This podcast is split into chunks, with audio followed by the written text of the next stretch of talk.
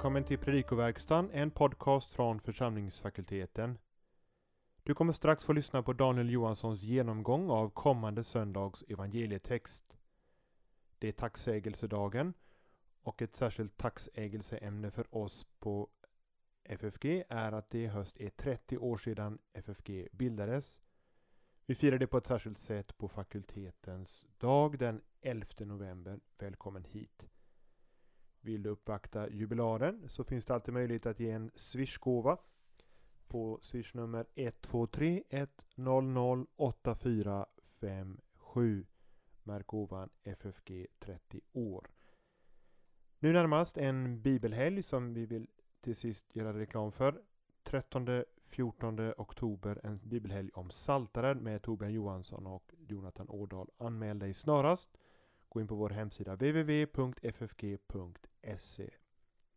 Men nu Daniel Johansson. Tredje årgångens evangelium på tacksägelsedagen hämtar vi från Lukas 19 kapitel, vers 37 40. Vi borrar oss först ner i den grekiska texten. Där möts vi omedelbart av en genitivus absolutus i vers 37. En gitson tos de auto. När han närmade sig. Frågan är vad Jesus närmar sig för någonting. Bibel 2000 tar staden som objekt, det vill säga Jerusalem. Det som sedan följer är depros te katabasei to oros ton elaion. Det tar man som en fristående sats med ett underförstått vara och så fortsätter man översätta och han var på väg ner för Olivberget. Så gör också till exempel den engelska översättningen ISV. Men enligt det stora lexikonet BAGD så anger engitso plats när det följs av prepositionen pros. Och det är den som följer här. Alltså borde vi översätta vers 37 från början på detta sätt.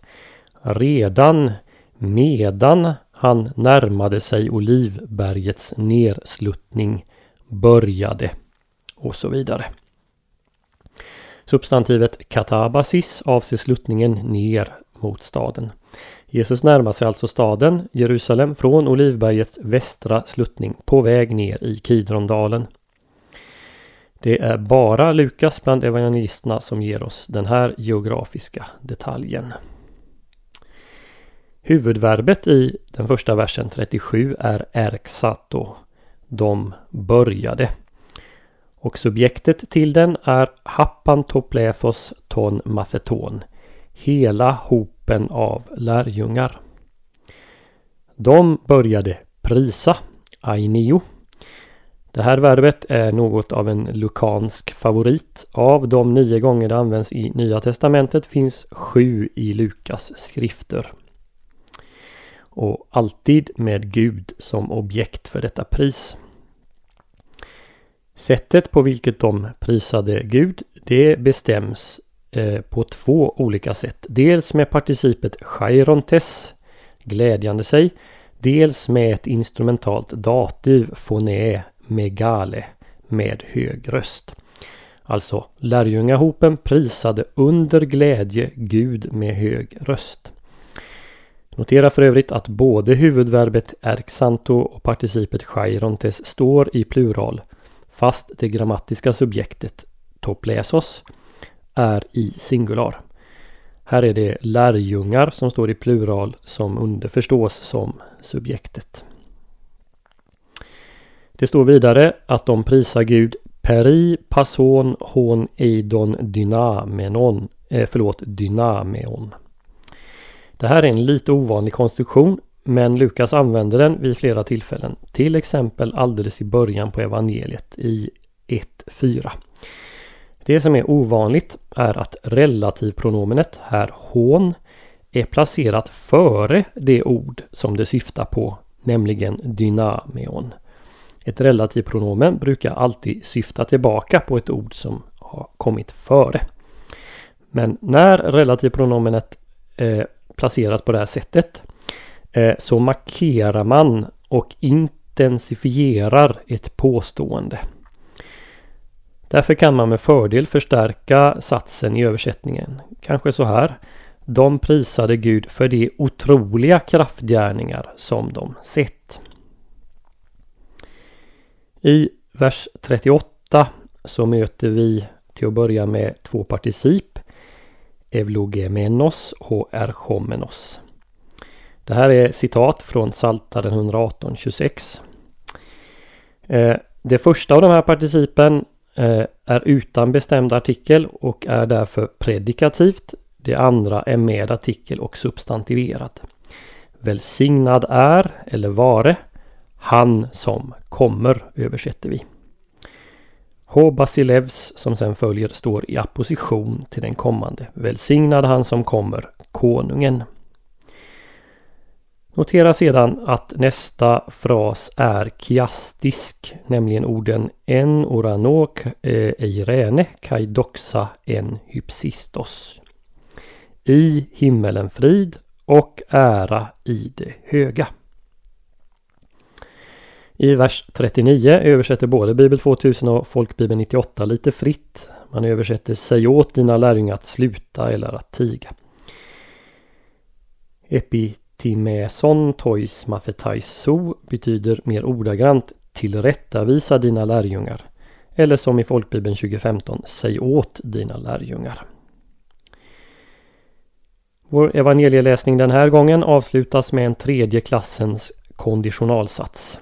Ean hotoi siopesosin hoilithoi kraxosin.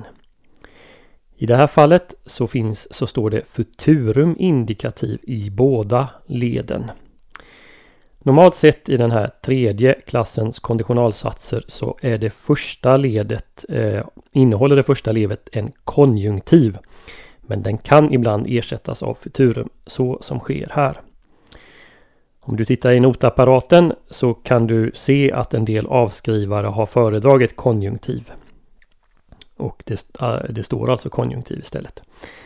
I vilket fall betydelsen blir om dessa tiger kommer stenarna att ropa. Det är tredje gången det här kyrkåret evangelieläsningen handlar om Jesu intåg i Jerusalem. På första advent alltid över evangel eh, Matteus evangeliets version på palmsöndagen över evangeliet som för året används för passionspredikningar. Och så den här söndagen en del av Lukas versionen. I Lukas evangeliets övergripande struktur har vi nu nått slutet av den reseberättelse som börjar i 951 och som ofta delas in i sju stycken avdelningar eller berättelser.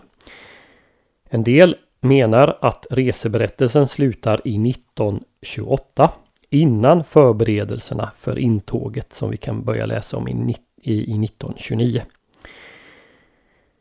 Men Lukas användning av verbet engitso närmar sig först i vers 29 och sedan i vers 37 och till sist i vers 41 tala för att han är framme, att Jesus är framme i Jerusalem först i vers 45 och att det är då hans verksamhet i Jerusalem börjar.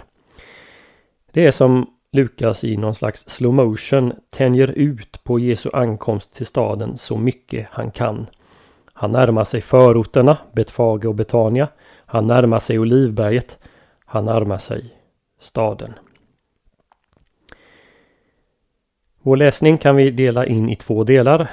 Först verserna 37 och 38 som handlar om lärjungaskarans jubel och pris. Och sedan i 39 och 40 om fariseernas kritik och Jesus svar. Med tanke på tacksägelse och glädjetemat den här söndagen bör man kanske notera fortsättningen som omedelbart följer på evangelieläsningen. Nämligen Jesu gråt över Jerusalem i 41-44. Det blir ett exempel på det vi sjunger om i Svensk psalm 269. Sorgen och glädjen vandra tillsamman. Två gammaltestamentliga texter finns i bakgrunden till våra fyra verser. Saltaren 118.26 citeras, dock utan Hosianna-ropet, men med tillägget Konungen. Välsignad han som kommer, Konungen. Fokus ligger på salmen som kungasalm snarare en pilgrimssång. Den lär ha använts som båda i Israels historia. Lukas han omnämner till exempel inte palmbladen. Lukas beskrivning i vers 37 ansluter till till exempel vers 14 och 15 i salmen och inte minst vers 24. Detta är den dag som Herren har gjort, låt oss på den jubla och vara glada. Likaså så tar eh, salmen upp Herrens mäktiga gärningar. Se framförallt eh, verserna 15, 16 och 17. Något som ju omnämns här i vers 37. I bakgrunden till bakgrunden hör också Sakarja 9, vers 9 till 10. Av de verser som föregår vår läsning vet vi att Jesus rider på en åsna.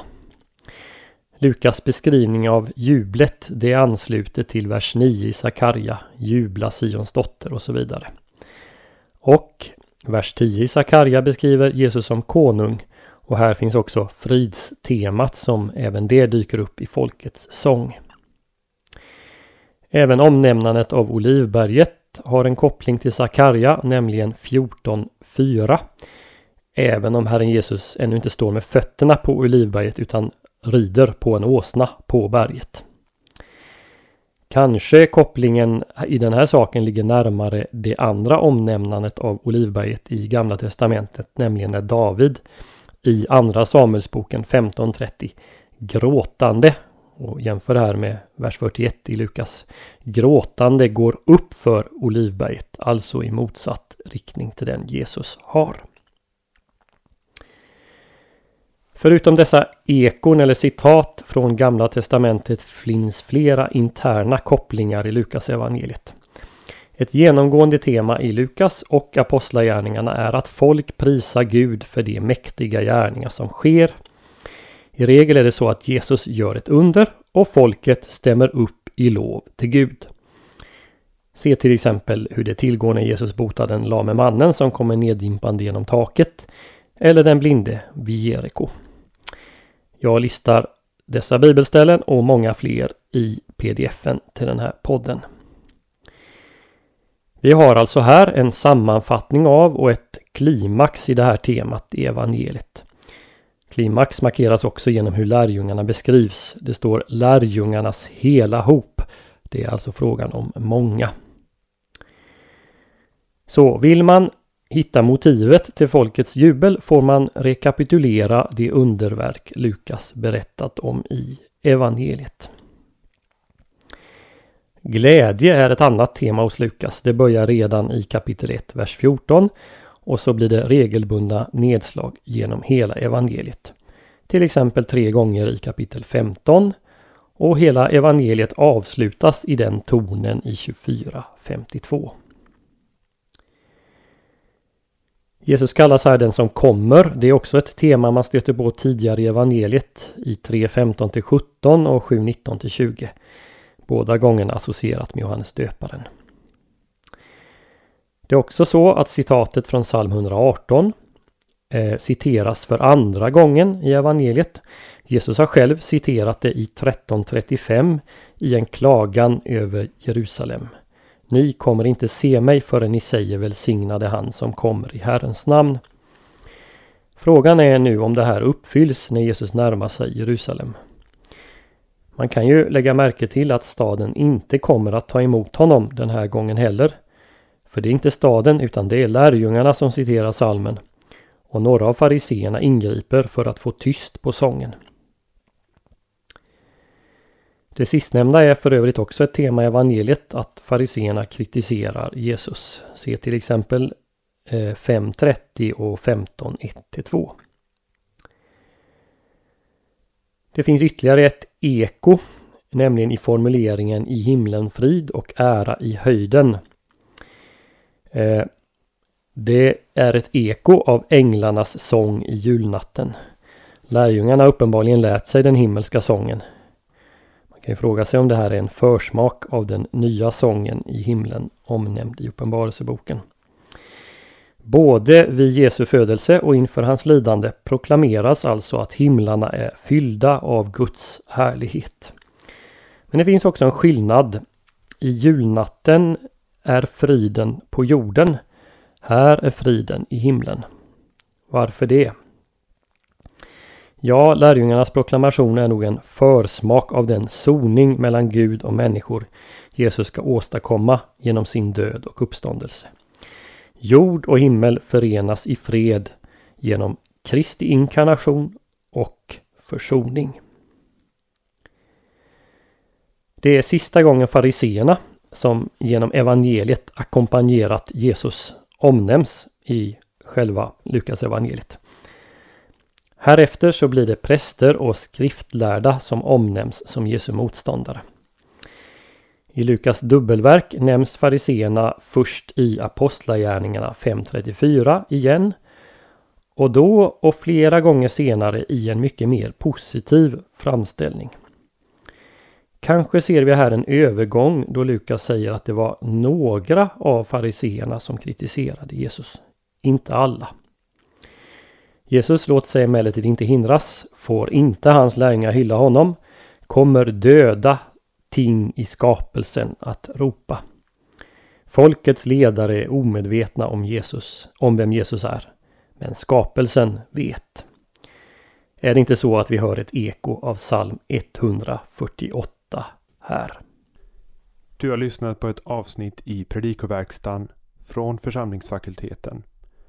För att stödja FFG och för Predikoverkstans verksamhet ge en swishgåva på nummer 123 100 8457 eller på annat sätt som finns beskrivet och angivet på hemsidan www.ffg.se. På hemsidan hittar du också information om aktuell verksamhet och resurser som det är fritt att ladda ner och ta del utav.